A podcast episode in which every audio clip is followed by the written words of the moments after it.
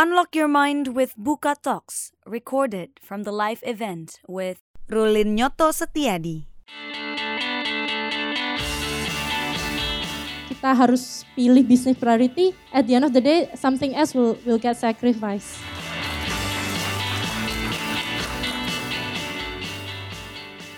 Let's join the talks. Uh, jadi hari ini aku mau ngomongin prioritizing the right things. Terus dalam kurung for now. Kenapa sih? Nanti aku ceritain kenapa. Jadi cerita dulu sedikit. Uh, saya head of product di Kudo. Jadi similar to Zaka, saya ngebawahin banyak uh, product manager sama associate product managers also the UX team right now. And uh, di sini Kudo uh, adalah perusahaan yang sudah sekitar tiga tahun lebih berdiri ya. Jadi di skala uh, seniority mungkin kita di masih jauh di belakang Bukalapak maupun Gojek. Jadi mungkin di sini saya bisa cerita lebih dikit uh, kurang lebih tentang gimana sih evolusi kita. Jadi not the reason why we have multi products but more like how we got to where we are today. Dan kalau tadi Zaka hampir seluruhnya bahasa Indonesia sama nanti ada Peter yang pakai bahasa English, I will campur-campur ya sedikit ada logat medok-medok juga dikit nggak apa-apa ya. ya Oke. Okay.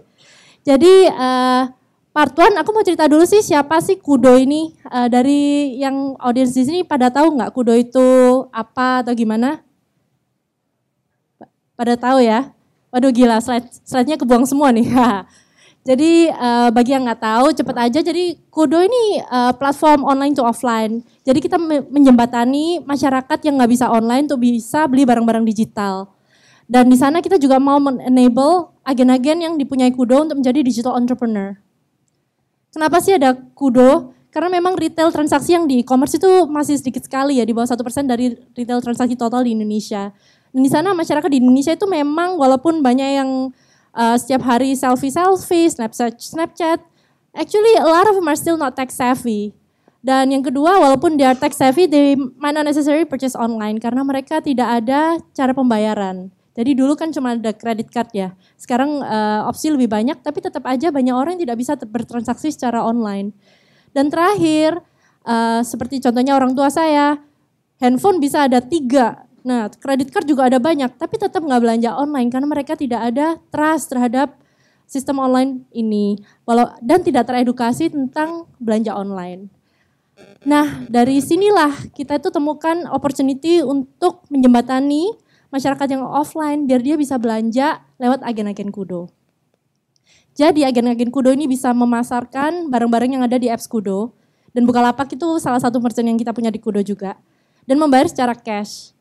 Nah, agen-agen ini di Kudo dia dilengkapi segala macam alat mulai sistem pembayaran ke promo-promo, tuh rekam dari transaksi dia supaya dia bisa gampang melakukan berjualan melalui Kudo. Dan di sanalah dengan adanya perubahan dari cash dari tangan customer ke agen Kudo, uh, customer-customer ini yang dulunya nggak bisa belanja online bisa belanja online, gitulah.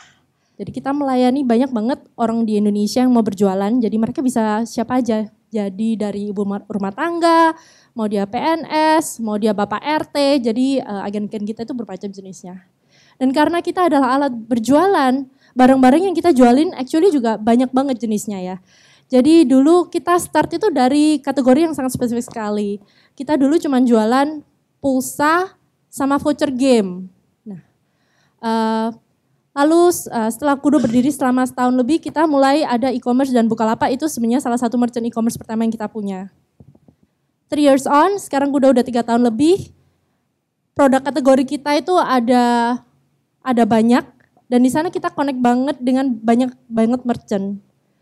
Jadi uh, kita bukan hanya cuman ada produk digital yang uh, bersifat jualan aja, tapi kita juga ada yang berupa service. Nah, jadi kita juga ada referral financing, for example, dan terakhir kita juga ada rekrutmen driver Grab.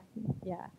So dari sini perjalanan Kudo untuk menambah produk ini juga penuh dengan prioritization karena nggak semua produk kita bisa jualkan dan ada keterbatasan resource.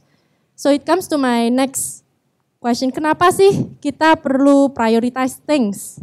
Gampang banget jawabannya. Too much work, too little time. Ya kalau di sini ada yang banyak engineer pasti komplain, kenapa PM tiap kali datang kerja lagi kerja lagi. Nah itu karena itu kita mau we want to make their lives better. At the end of the day, constraint kita adalah engineering capacity, not just engineering actually, also PM's capacity kan ya. Uh, dari itu kayak buah funnel dan dari yang masuk banyak itu akan dikit banget yang bisa kita prioritize untuk masuk ke dalam roadmap. So, apa sih constraint-constraint ini dan apa sih yang bisa harus kita consider? Yang pen, tentu adalah uh, business priorities ya. Jadi everything that we do comes from the the business visi misi kita itu apa dan apa yang mau kita lakuin. Tapi within business priorities itself it's not easy, right? Karena di dalam sana kita selalu ada pilihan kita tuh mau enhance existing business kita atau mau kita introduce new business ya. Karena engineer-nya sama. Kalaupun mau enhance existing business, oh should I just create a new UX flow? Gimana kalau flow-nya kayak gini? Mungkin lebih bagus. Gimana kalau onboarding kita step-nya diper, diperdikit? Gimana kalau uh, cara belanja kita step-nya dipercepat? Atau atau aku nambah new partner aja ya? Kalau nambah new partner mungkin uh, aku nambah reliability, so on and so forth. Mau nambah new business pun juga it's not easy, uh, it's not a question that is easy, right? Mau nambah apa? Mau nambah gold, mau nyontek lapak jadi ada kudo reksa, mau jualan tiket bus yang sekarang kita nggak punya. Kita juga ada pertanyaan, bisa nggak kalau engineering resource ini nggak usah deh nambah bisnis baru atau enhance bisnis kita, kita increase efisiensi internal kita aja.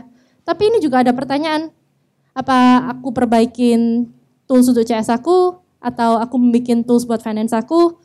Terus bukan hanya ini doang, ada juga engineering priorities, right?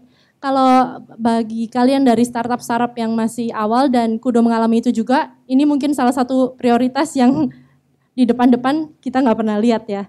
Once you get to a certain scale itu menjadi sesuatu yang menjadi kebutuhan yang sangat penting sekali. Karena apa? Karena kita ngelihat pada hal-hal yang benar-benar menunjang ketersambungan bisnis kita. Jadi ini bukan hanya bisnis yang genjot, genjot, genjot, tapi kita juga harus bangun foundation yang sangat bagus. Jadi it's always a question of dari semua ini mana sih yang kita mau bikin dulu. And jangan lupa, jebret, emergencies. Always happens. Nggak tahu kalau di antara PM-PM yang lain merasa nggak pernah ada emergency, it always happens. And it's not necessarily our fault, right? Emergency bisa aja gara-gara hal yang di luar kendali kita, terutama bisnis seperti Kudo atau dengan Bukalapak, kita itu bergantung banget dengan external parties ya. Jadi dari vendor payment kita sampai mungkin vendor uh, logistik kita atau yang lain juga gitu. So all these things need to be considered when we think of kita masukin apa di roadmap. Part 3, aku mau ceritain perjalanan kita ya. Jadi pas pertama kali Kudo ada, ini, this is how we did it. Ini kayak Tetris. Jadi pas saya join, saya join sekitar dua tahun lalu, Kudo sekarang umurnya tiga setengah, tiga setengah tahunan ya kita tuh nggak ada yang namanya product team. Jadi I join to form the product team. Sebelumnya itu engineer ada satu pool.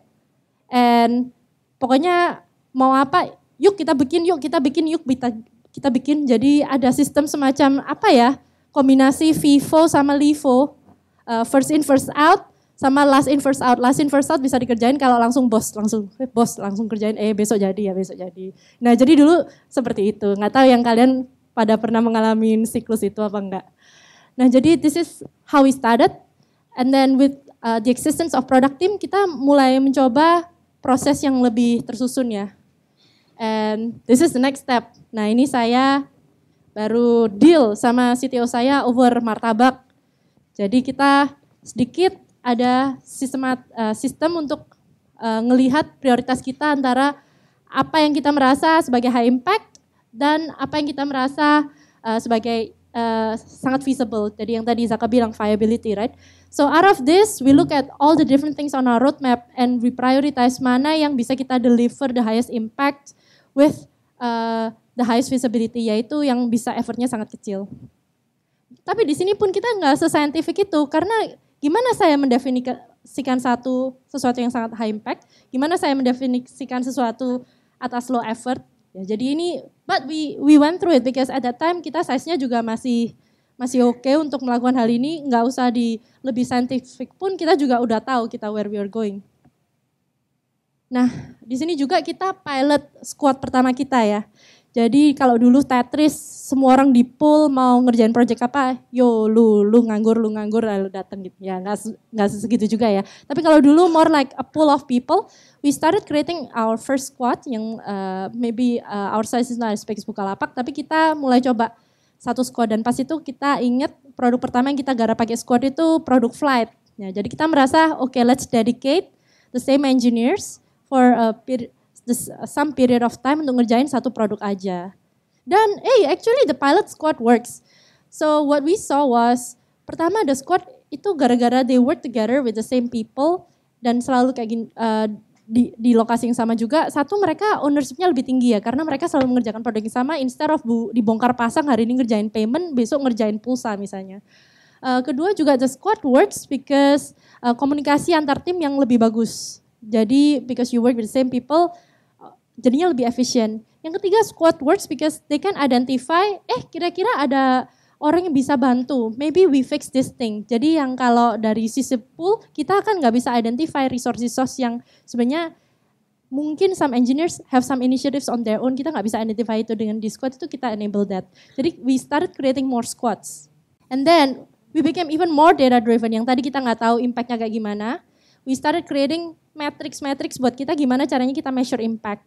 Jadi mungkin activation kan ada impact tersebut atau ada revenue juga. Di, antara itu semua kita harus bandingin kan.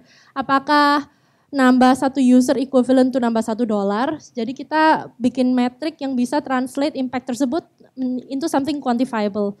Similarly kita juga mau quantify our efforts into something yang bisa di-quantify juga dan menjadi pembanding antara fitur-fitur apa yang kita bikin. 80-20. After we became so data driven, we found out that you know what? Kita bisa analysis paralysis. Tahu nggak? Pernah ada yang pernah dengar nggak? Sometimes lu mau measure impact satu fitur yang lu kerjain, mungkin ngerjain fiturnya aja lebih cepat gitu ya. Jadi we started doing 80-20. So we started uh, enabling the squad untuk milih apa sih yang paling penting dari setiap-setiap squad ini untuk dibikin. Uh, at the beginning of each planning period kita kita sebagai bisnis tentukan prioritas bisnis kita dan kita sebagai engineering company juga tentukan prioritas engineering kita. We agree on the most important things. We split the squads accordingly. Terus habis itu we let the squads to pick up the rest of the product roadmap on their own. Dan di sana they will be doing the deep dive. Apa sih yang paling penting berdasarkan metrik-metrik yang tadi kita udah tentuin. So we became quite a decentralized squad. Jadi it's very top down. At the same time kita empower squad-squad itu untuk make decision on roadmap yang mau dibikin. So uh, I think I only have a few minutes. Jadi quickly on the lesson learned. First one is that there's never a single right answer on how you prioritize. Jadi kalau zaman dulu kita kayak Tetris, it's okay because we were a small agile company. And kalau sekarang kita bentuknya squad yang empowered, it's okay. And maybe one day we will evolve to become something else or maybe more similar to Bukalapak di mana squadnya is even more uh, is, is even fatter ya di mana data science di sana dan ada QA tester dan segala rupa yang kita masih belum punya. So we we don't know. So you, there's never right uh, way how to prioritize and there's never a right answer because karena it's always a trade off kan ya. Seperti tadi saya bilang kalau kita harus pilih business priority, at the end of the day something else will will get sacrificed. Dua, as much as possible make data driven decisions. So never do something out of out of a, I think that this is good. So we always try to do research. Terus kita selalu try to measure impactnya itu uh, setiap-tiap fitur yang kita bangun itu bakal apa. 80-20 as I've said earlier. Empat itu make bets. Jadi kalau segala sesuatu harus dibikin impactnya. Kadang-kadang ada sesuatu yang sebenarnya kita tahu in our gut feel enggak kayaknya bisa deh. Tapi kita never have the guts to do it because nggak akan kelihatan di angka impactnya. Ya ini rada bertentangan sama nomor dua, but not really. So the bets are done before they get into the squad. Jadi as a business you agree to take bets in a new business line mungkin ya, atau in a new partner, atau in a new flow, or in a new engineering uh, engineering tool. Jadi do make bets. And lastly, empower the teams. Jadi uh, kalau Zaka bilang PM-PM dia lebih jago dari dia, uh, seperti halnya itu juga aku berharap banget uh, di organisasi aku orang-orang semua lebih jago dari aku dan they can make decision on their own. And lastly, uh, stay agile. Uh, Kudo sekarang baru tiga tahun lebih dan proses planning kita mungkin semakin lama semakin robust. At the same time, uh, to quote from from Winston Churchill, plans are little important, but planning essential. Maybe I'll flip it. Planning is, is essential, but at the end of the day, when you need to switch, you need to move, you need to be agile, you don't really need to stick with the plan. Karena at the end of the day kita masih startup dan kita harus selalu bergerak. Thank you, itu dari saya. Buka aja, buka lapak.